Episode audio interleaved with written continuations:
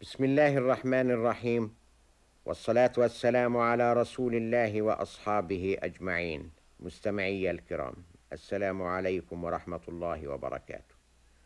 اليوم نحن مع صحابي لم يكن قد أعد عدته للإسلام وإنما جرى حدث كاد أن يكون فيه هلاكه وهو مشرك فتحول هذا الحدث لأن يجعل منه مسلما صادقا وشهيدا.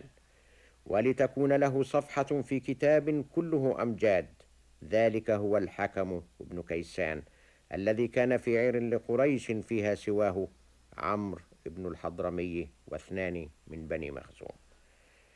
ولقيت العير سرية كان عبد الله ابن جحش أميرها وذلك عند مكان يعرف ببطن نخلة. وذلك في رجب على رأس سبعة عشر شهرا من الهجرة. وكان الرسول صلى الله عليه وسلم قد دعا إليه عبد الله بن جحش بعد صلاة العشاء وألقى إليه أن يوافيه في الصباح ومعه سلاحه ليبعثه وجها. فلما كان الصباح جاء عبد الله ليجد نفرا من الصحابة استعمله الرسول عليهم ثم أعطاه كتابا وأوصاه ألا ينشره إلا بعد ليلتين وفي مكان عينه له. فاستجاب له عبد الله وفتح الكتاب حيث أمر فعرف أنه يأمره أن يأتي بطن نخلة على ألا يكره أحدا ممن معه على السير معه.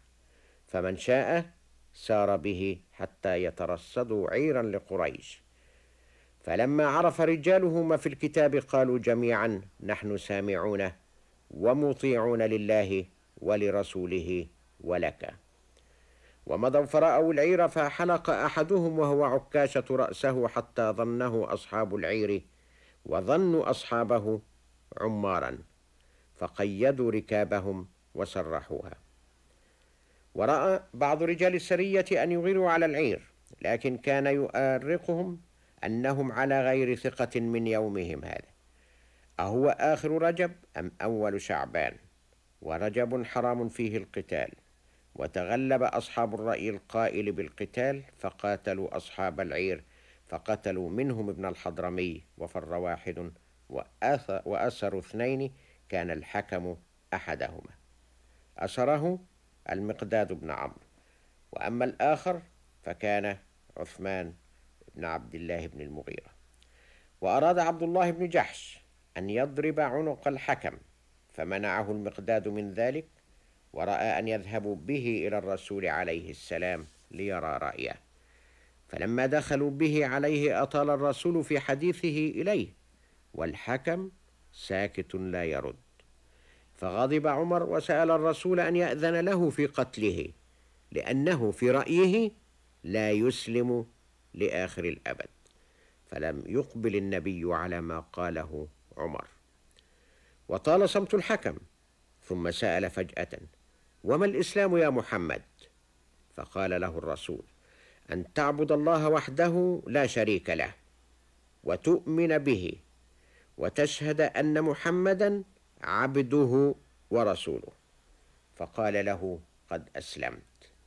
فملأت الفرحة قلوب الصحابة إذ كتب الله النجاة من النار لرجل كان على شفير النار لشركه بالله وكفره به. وحين ذاك التفت الرسول صلى الله عليه وسلم إلى أصحابه وقال ما يحسه كل واحد منهم في أعماقه لو أطعتكم فيه آنفا وقتلته لدخل النار.